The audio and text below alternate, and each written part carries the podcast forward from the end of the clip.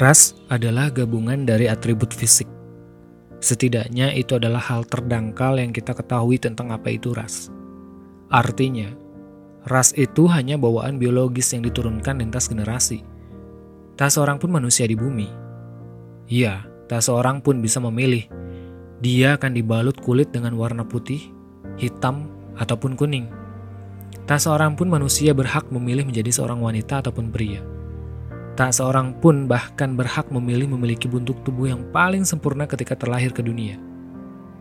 Jika gumpalan tanah yang kelak akan menjadi manusia tersebut bisa memilih, saya yakin kata buruk rupa tidak akan pernah tercipta. Setiap manusia akan mempunyai bentuk dan warna yang sama, tapi itu akan sangat membosankan. Pengelompokan ras adalah omong kosong.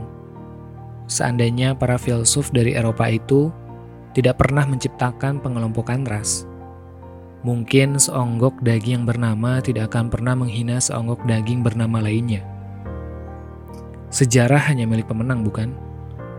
Kolonialisme membentuk asumsi manusia, dan asumsi manusia yang bisa diatur adalah kebodohan nyata yang bisa dimanfaatkan oleh para pemenang. Dan itu berlanjut sampai sekarang. Karena faktanya, manusia masih mudah diadu domba manusia masih sering menghina warna, mempermasalahkan agama, suku, dan budaya. Lalu apa salahnya menghargai perbedaan? Apa salahnya membiarkan orang lain senang? Apa salahnya dengan berbagi kebahagiaan? Mungkin kita lupa. Pelangi indah setelah hujan terdiri dari berbagai macam warna. Nebula indah di luar angkasa tidak terdiri dari satu warna. Aurora cantik di kutub utara tidak akan terlihat jika langit berwarna sama. Sudah saatnya kita meninggalkan budaya mencela dan menghina, dan mulai menghargai perbedaan ras, budaya, suku, agama, dan bangsa.